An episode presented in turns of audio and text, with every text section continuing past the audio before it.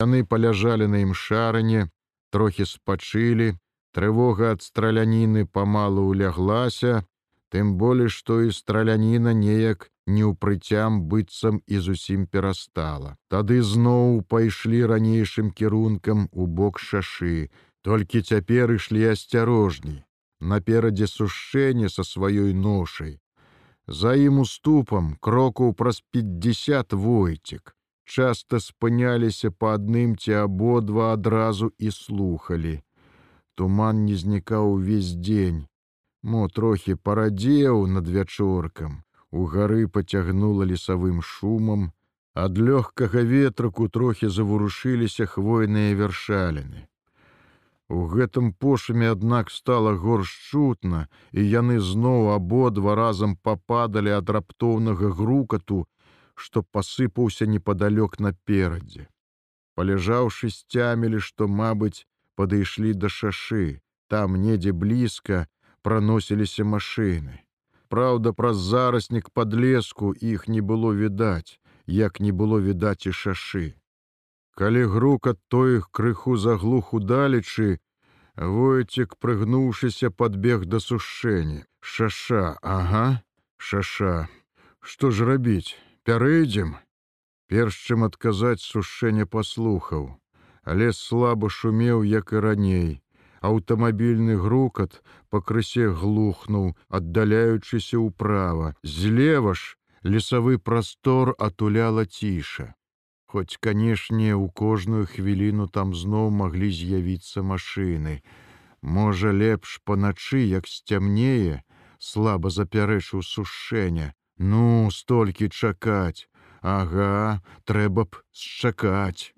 Сушэнне застаўся ляжаць, ніцма пад кустом ядлоўцу, усе ўзіраючыся у падлесак, у бок недалёкай ужо шашы. Яму было ўсё роўна, калі пераходзіць яе. Ведаў, нічога добрага па той бок яго не чакае, як, мабыць, не чакае нідзе. Але ён пачаў ужо прывыкаць да свае новыя ролі, правадніка ці нават партызана і імкнуўся выконваць яе спраўна. Ды каб выканаць спраўна ў ягоным становішчы трэба было слухацца гэтага партызана войціка, цяпер як бы яго начальніка. Тое паслушэнства давала яму цьмяную надзею, якая і вяла яго ўвесь дзень па лесе. Зноў жа войцік можа зразумее, што ўсё тое сушэнне робіць свае добрай волі, без жаднага прымусу, хай ён памятае, а пры выпадку і засведчыць тое. Яны праляжалі так можа і не надта доўга. На шашы ўсё было ціха, Мабыць, не праехала ніводнай машыны, не чуваць было і стралянінай. Вецер у гары, мабыць, патроху суняўся, так і не разагнаўшы туман, які ці не стаў нават гусцець на сконі дня за час іх чакання. Так, туман пагусцеў, Войцік адзначыў гэта па тым, як у шэрай навалачы здаля закурэў падлесак. Доўга ляжаць на воглым доле зрабілася сцюдзёна дрыжыкі распораз скаланалі цела і войцік ціха гукнуў: « А калі цяпер га па адным. Сушэнне падняўся, сеў азірнуўся. Ён не пярэчыў, але і не спяшаўся згадзіцца. Ён памеркаваў трохі. Трэ паглядзець, як там на шашы. Ну паглядзі, толькі нядоўга. Цяжка устаўшы на ногі сушэння валюхаста патупу ў падлесак, а войцек раптам недарэчна сумеўся, дарма пусціў. На ўсякі выпадак ён з вінтоўкай адбег трохі ў бок і схаваўся за камель тоўстай хвоі. Глянуўшы з-за яе, убачыў, як сушэнне асцярожна, кратком прабіраецца да шашы, часам яго затуляе беразнячок под леску, але ён хутка паяўляецца ў іншым месцы. Пасля, аднак яго зусім затуліў хмызняк, і войцек расслаблена опусціўся за хвоей. Чорт яго увогуле ведае, што гэта за чалавек. падумаў ён быццам як свой ці можа падладжваецца каб увесці ўзман канешне яго трэба дужа асцерагацца ў дзень а калі яшчэ ўначы? Не заставацца з ім нанач войцік не меў намеру. Ён адчуваў што трэба як найхутчэй вызваліцца ад гэтага сушэння перайсці шашу і стрэльнуць а то яшчэ стрэльне самога. Аднак пакуль што кепскага нічога не здарылася сушэнне хутка паявіўся з кустоўя і войцек адначасна з ім падышоў да распластанага ў долі бурава. Ну на шашы пуста сказаў сушэння нідзе нікога. Тады пойдзем рашыў войцек пакуль нікога няма. Трохі ж чакай мы пойдзем добра пакорліва азваўся сушэння яны зноў пусціліся долу абапал бурава які падкурчыўшы руки ў чорнай картовай кашулі ляжаў на баку раскудлачаныя валасы і шырокія плечы нябожчыка былі аблеплены павуціннем і абсыпаны ігліцай.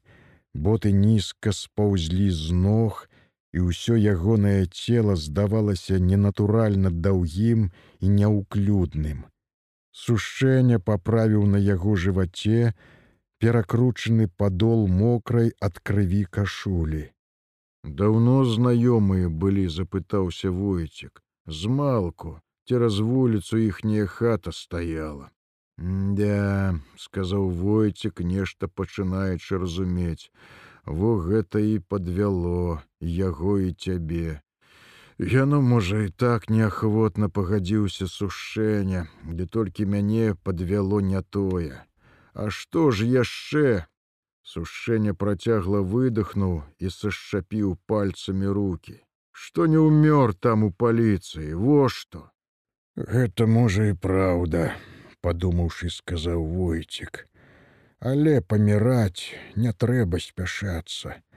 Бураў вунь паспяшаўся пра сваю дурасць бураў не ў пару малады яшчэ шкада табе чаго шкадаваць бо праз мяне быць-то але ж я не прычым ці ж я хацеў Я толькі там у балоціне не хацеў ляжаць. Вот лёг бы ў балоціне, буру жывы быў бы. Так жа. Гэта так мусяць паморшчыўся сушэння. Але вы ўжо скажыце там камандзірам, што сказаць, насцярожыўся войцік. Ну, пра мяне, калі што, калі не дайду, усё ж жонка ў мяне, дзіця, а, Во што здагадаўся войцік, гэта скажу, не турбуйся, з чым мой напісаць прыйдзецца. Напісаць гэта добра, усё ж дакумент. На дакумент спадзяваешся, здзівіўся войцік. Ну, усё ж можа б разабраліся калі. А ўсё ж завербавалі, ага, ну прызнайся. Войцік пільным выпрабавальным позіркам павёў на сушэнню, і той ад няёмкасці крыва перасмыкнуў вуснамі. А каб жа завербавалі, дык неш, вербавалі, ага, Але я не мог, ну я не мог і ўсё. Так ужо і не мог, сказаў войцік. Сушэнне шчыра здзівіўся. Ну як жа можна, памяркуйце самі на такое дело мало што сябе загубіш, дык яшчэ і сям'ю, як жа ім жыць. Ён гаварыў тое быццам бы і шчыра адзначыў у думках войцік, і калі меркаваць наогул, дык пэўная праўда была ў ягоных словах. Але ўсё роўна паверыць яму войцік не мог. Войцік за жыццё ўжо зведаў, як дасканала хітруе вораг, як прыкідваецца сваім сябрам, нават партыйцам, як той жа хмялеўскі. Колькі гадоў віў сваю шкодніцкую вяровачку, прытвараўся, арганізоўваў слабыя калгасы, Ды ўсё ж выкралі разумныя людзі, заўважылі і пакаралі і хіба аднаго хмялеўскага і дырэктара школы Пратасевіча, міліцейскага начальніка лакцёнка, старшыню рай спажыў саюза кузьміча. Да ў кожнай вёсцы, у кожным калгасе, а ў вобласці скрозь паналезла процьма заядлых ворагаў, шкоднікаў, здраднікаў, а ў вайну іх вылезла яшчэ болей. Надта шмат было тых урокаў класавай барацьбы, каб і дурань чаму нічаму навучыўся.